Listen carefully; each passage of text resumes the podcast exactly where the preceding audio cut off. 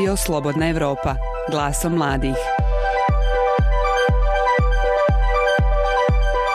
Htjeli ili ne htjeli, bili politički osvješteni ili apolitični, svi znaju da će se u Bosni i Hercegovini 15. novembra održati lokalni izbori. Na ovim lokalnim izborima za povjerenje birača boreće se 543 politička subjekta. A da li će mladi glasati te da li očekuju promjene pokušat ćemo saznati kroz anketu, upravo razgovarajući sa njima. Ej, odoh da snimim anketu.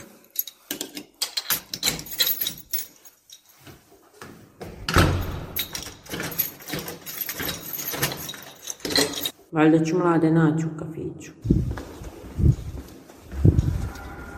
Hej, izvini, mogu nešto da te pitam? Ništa, neću da pričam. Ulazim u lokalni kafić. Nije baš svaki stol zauzet, ispija se popodnevna kafa. Zdravo. Ćao, čao. Ćao, šta ima? Anketa, anketa. Hoćete glasat na lokalnim izborima sada? Glasat ćemo, naravno, sam ja ću glasat. Je li to prvi put? Nije prvi put, možda sam dva put glasuje, ali idem sam inače radio, ovaj put ćemo glasati. Jel misliš da se može nešto promijeniti? Pa ako se sad ne promijeni, nije se više nikak promijeniti. Zašto baš sad? Pa zato što je ekonomska kriza, dosta mladih ode, a iskreno, koliko je došlo od rata, ništa se nije promijenilo, možda nešto lokalna, opet neka zajednica, mislim da je sad vrijeme, mislim, nemamo ni opcije, iskreno. Ovo je zadnja, zadnja šansa, bar pomeni, možda su neke crne liste, tako. Hoćeš li glasat? Ne, Zašto? pa zato što planiram da idem u Njemačku jer nova država više ne zanima. Pa zašto si se razočarao u državu? Pa učitao sam se državu razočarati. Pa zašto? Pa zato što nam je 30 godina isto. I ako se glasalo, ako se ne glasalo, se opet će biti sve isto. Pobjeća snaka, kao uvijek pobjeđuje. To je to. A šta bi radio u Njemačkoj? Ja sam fizioterapeut, Njemačku ću već imam zakazan posao rađu kao fizioterapeut. Jer ovdje nema.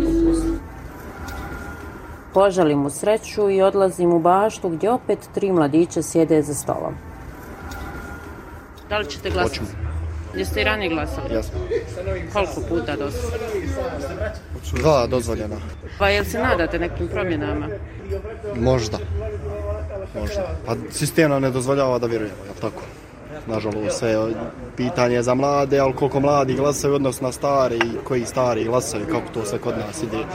Imamo razlog za ne- nepovjerenje i prema čitavom tom procesu. To je demokratija koja se ovdje nameće.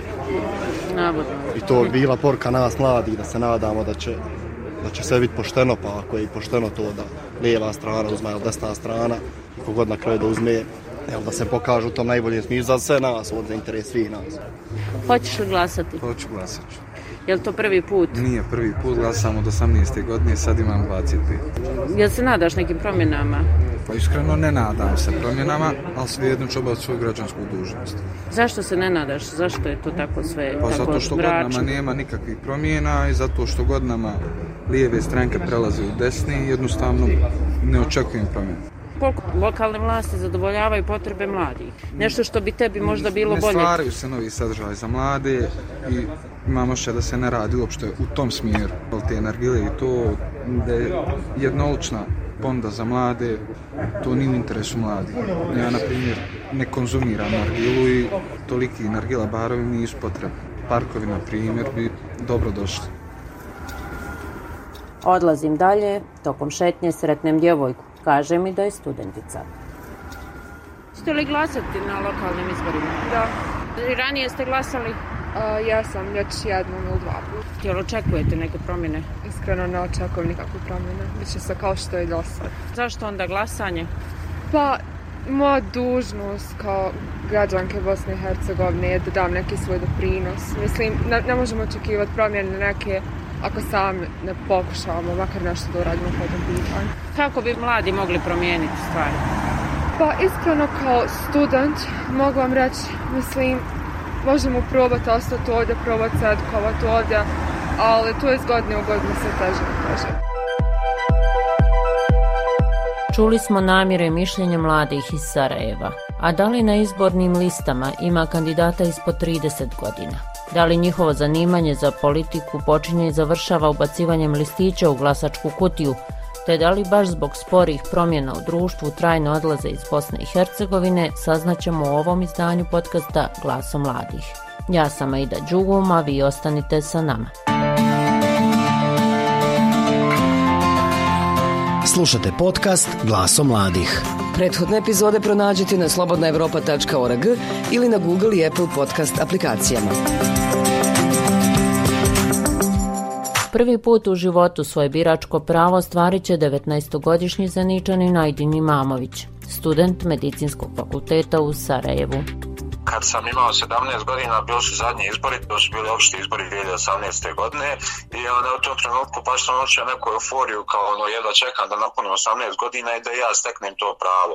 Ne zaista to osjećam kao neku dužnost uh, sebe kao mlade osobe pogotovo osobe koja ne želi da ide iz ove države, ona ne želi ostati, želi se prti ovdje kako bi se stanje države promijenilo i zaista ona način glasanja vidim kao, kao neku, ne sami obavezu, neki potrebu, jer mladima je ključ kako bi se stanje u ovoj državi promijenilo.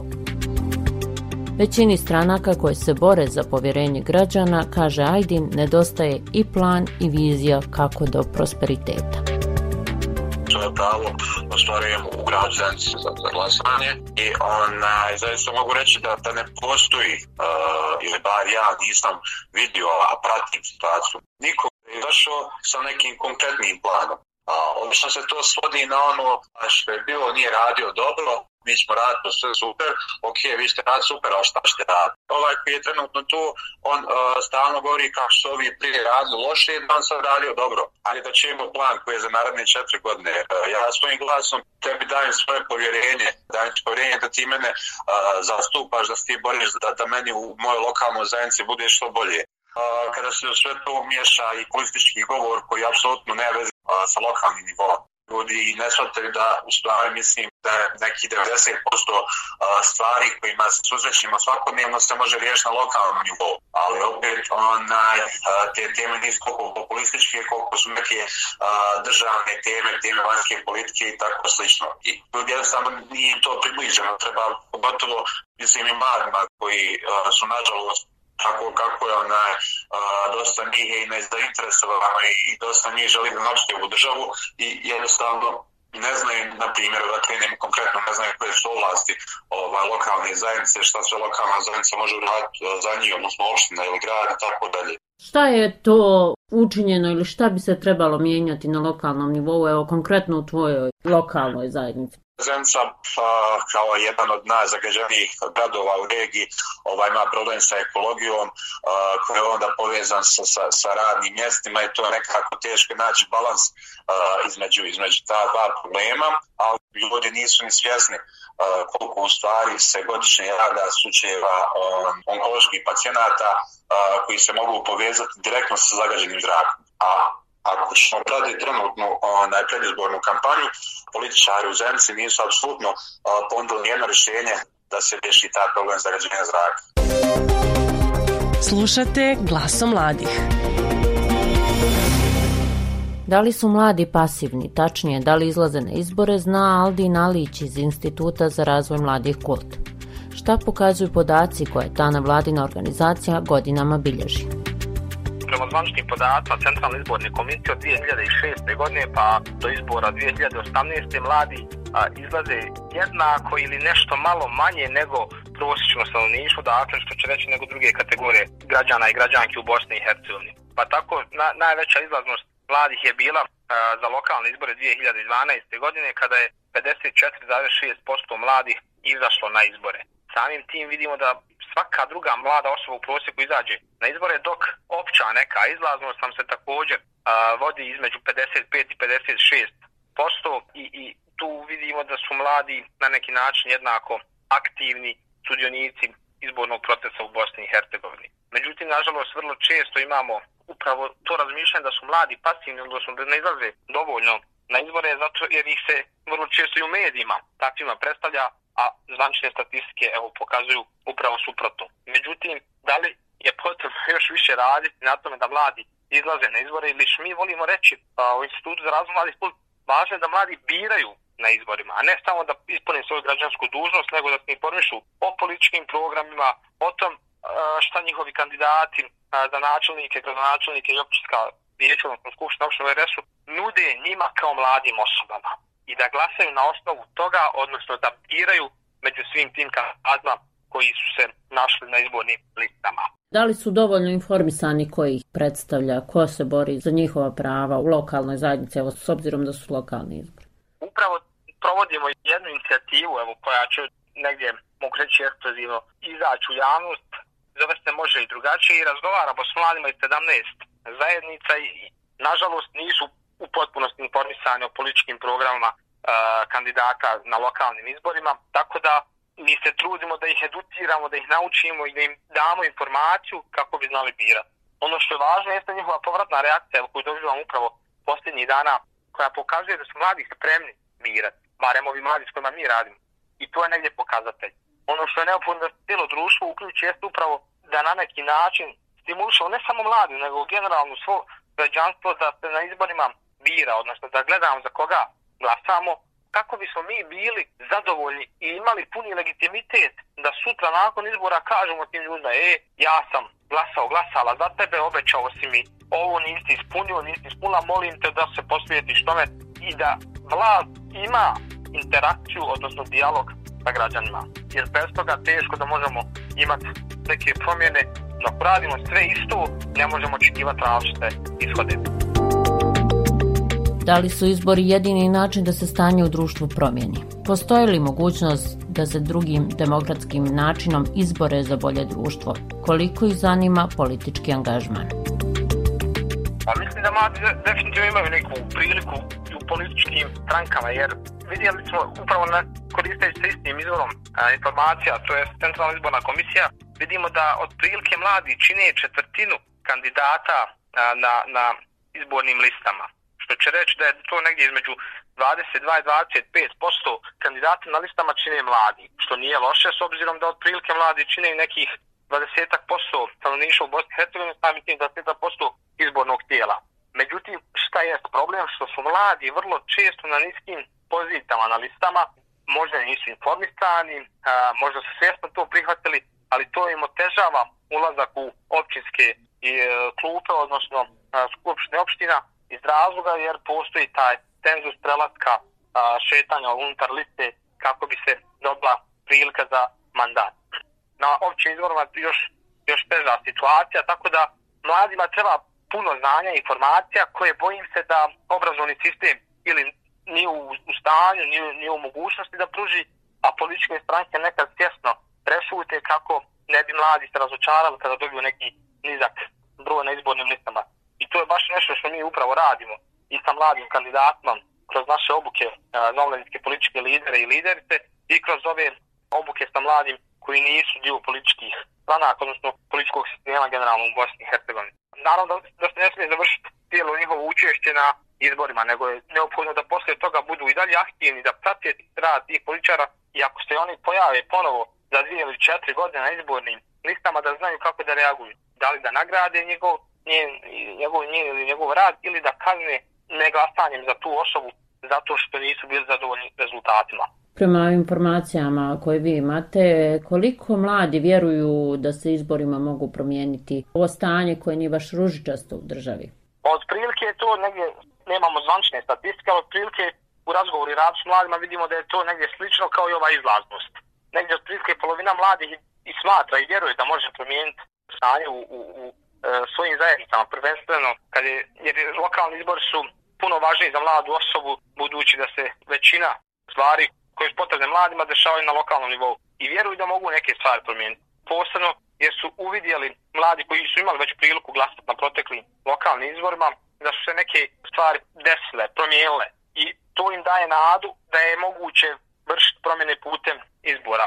Međutim, nažalost, i mladi su svjesni izborne krađe koja se dešava ne, svih drugih nelegalnih netransparentnih stvari u cijelom izbornom procesu i to je nešto na čemu mi također radimo, da ih educiramo, da imaju pravo da to prijave, kako da zaštite sebe, svoj integritet, svoje demokratsko pravo kao građanina, odnosno birača, i da onda oni to dalje apliciraju, odnosno dijele te informaciju i to znanje sa svojim vršnjacima u zajednicama.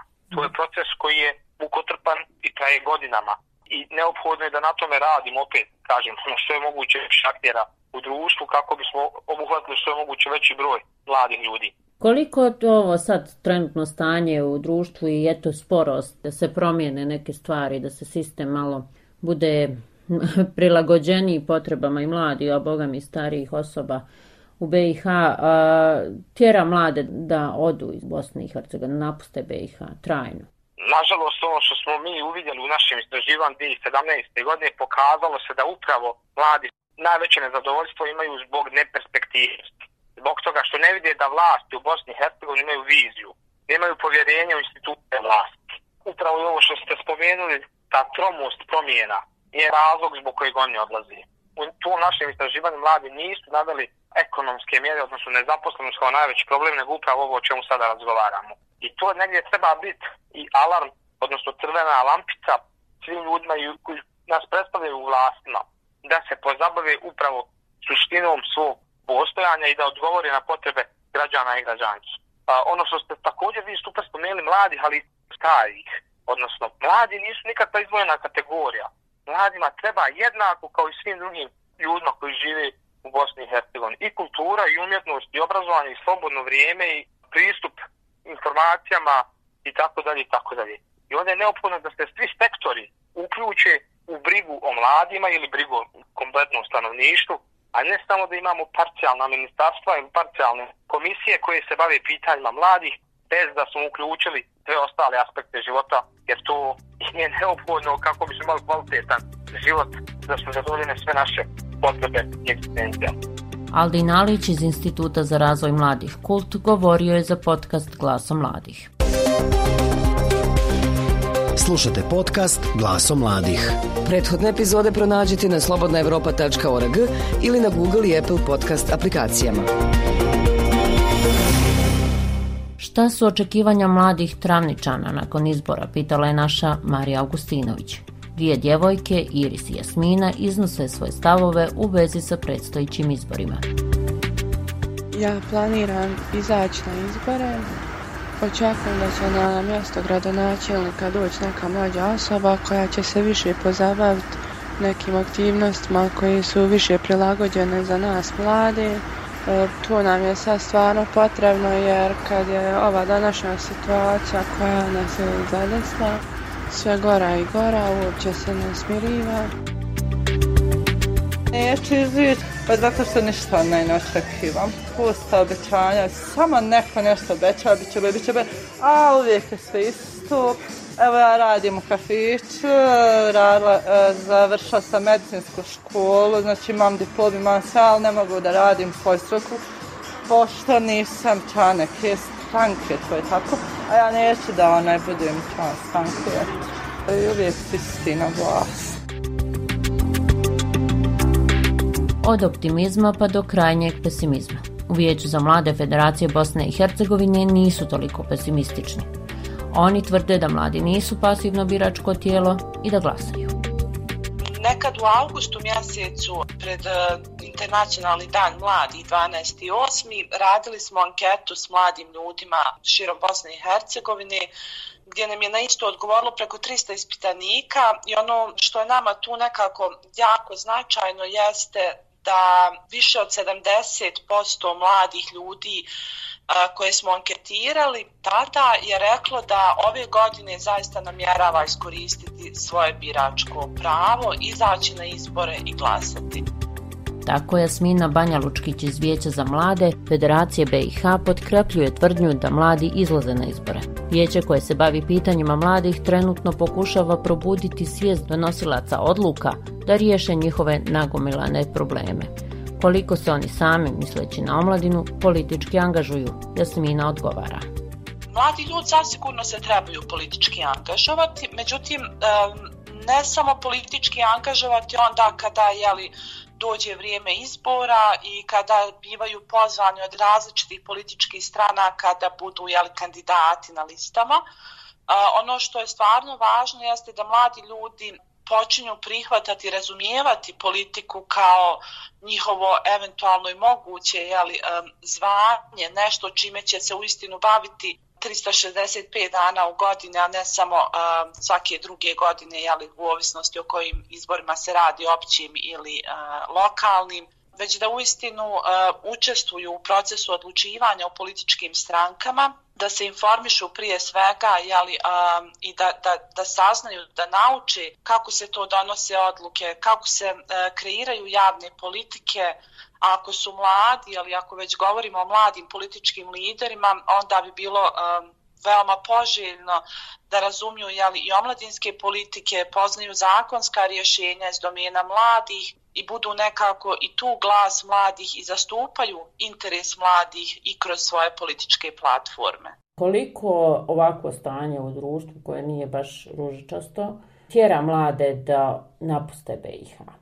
Zasigurno da, da postoje mnogo razloga zbog kojih mladi ljudi odluče da napuste Bosnu i Hercegovinu, koje im nekako ne možemo zasigurno ni sporiti. Danas često govorimo jeli, da je jedan od osnovnih razloga, na primjer, nezaposlenost. Jeli, zasigurno i, i dalje je taj ekonomski moment jeste jako važan mladim ljudima i treba biti važan naravno, Međutim, kako si sama jeli, rekla, trenutna situacija i čitav set nekih problema s kojim se mladi ljudi susreću ili ono što vide u svojim zajednicama ih neminovno možda i više podstiče nego taj ekonomski moment. A to su momenti, ne znam, poput jako vidljive i još uvijek vrlo prisutne i korupcije i nepotizma um, i nerazumijevanja potreba mladih, neuključivanja mladih u procese odlučivanja, zanemarivanje nekih e, potreba mladih ljudi koje nisu samo potrebe mladih ljudi, već i generalno jeli, građana u zajednici u Hercegovini. Koliko mladi uopšte znaju ili koriste ostale demokratske alate osim izbora naravno, kao što su protesti, peticije, da ukažu da, da se izbore oni sami za bolje društvo i svoj život, da ne odu.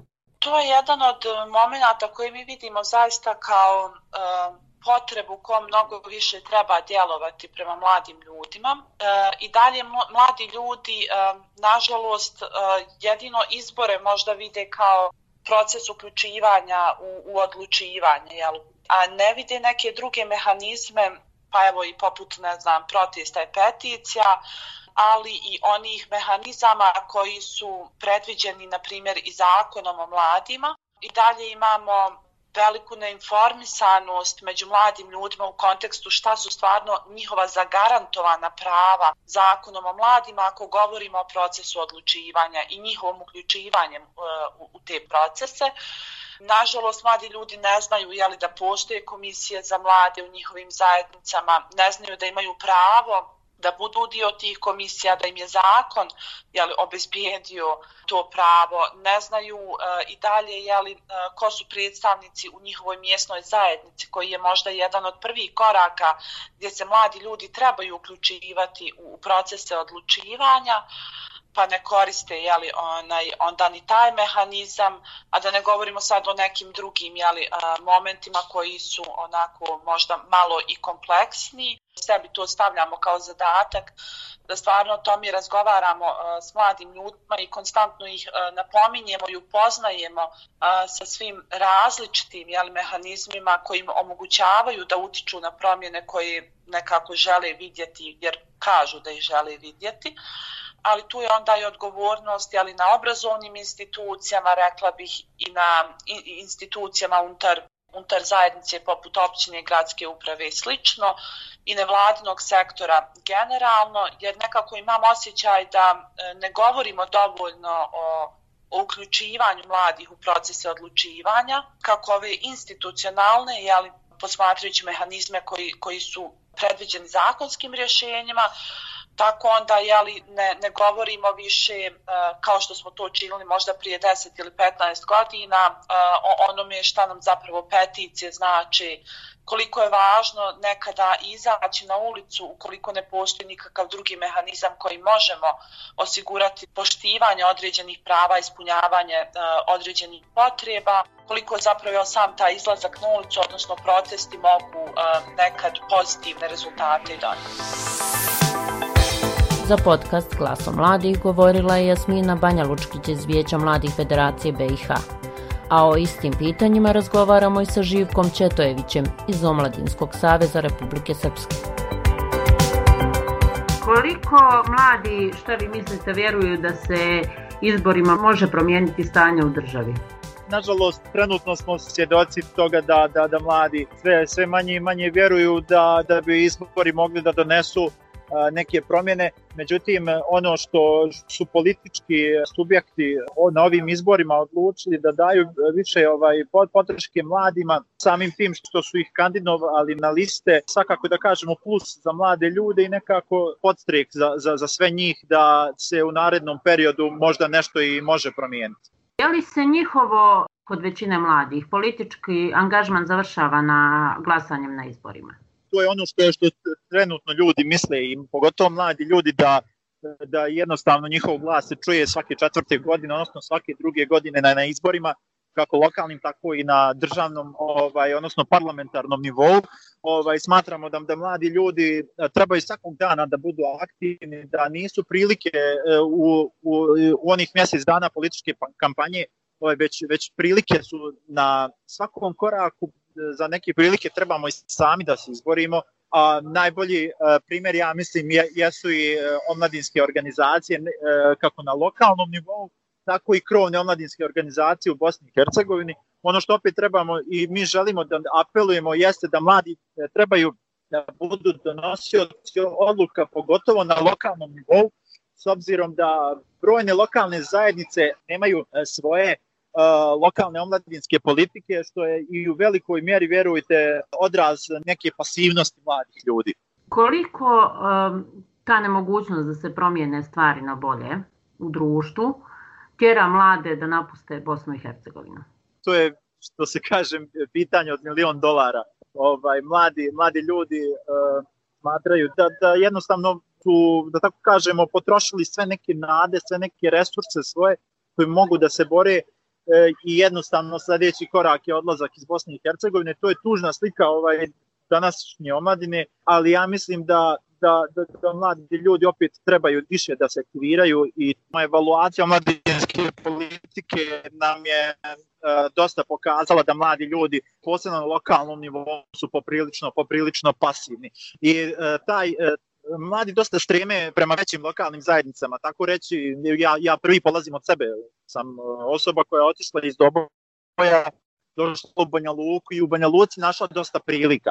Takve prilike koje se pružaju mladima u Banja Luci, recimo, trebaju da se pružaju u Doboju i da, i da mladi ljudi, recimo, zbog obrazovanja odu u Banja Luku, ali da se vrati u svoju lokalnu zajednicu i da tamo doprinesu. Za podcast Glasom mladih govorio je Živko Četojević iz Omladinskog saveza Republike Srpske. Slušate podcast Glasom mladih. Prethodne epizode pronađite na slobodnaevropa.org ili na Google i Apple podcast aplikacijama. Toliko u ovom izdanju Glasom mladih. Pozdravljaju vas Svjetlana Petrovića i da Đugum uz poziv da ostanete i dalje sa nama. Ukoliko ste propustili prethodne epizode našeg podcasta, možete ih pronaći na našem sajtu ili na podcast aplikacijama. Naše druge sadržaje također možete pronaći na slobodnaevropa.org, na društvenim mrežama Facebooku, Twitteru, Instagramu i YouTubeu. Sa vama smo i naredne sedmice. Do slušanja.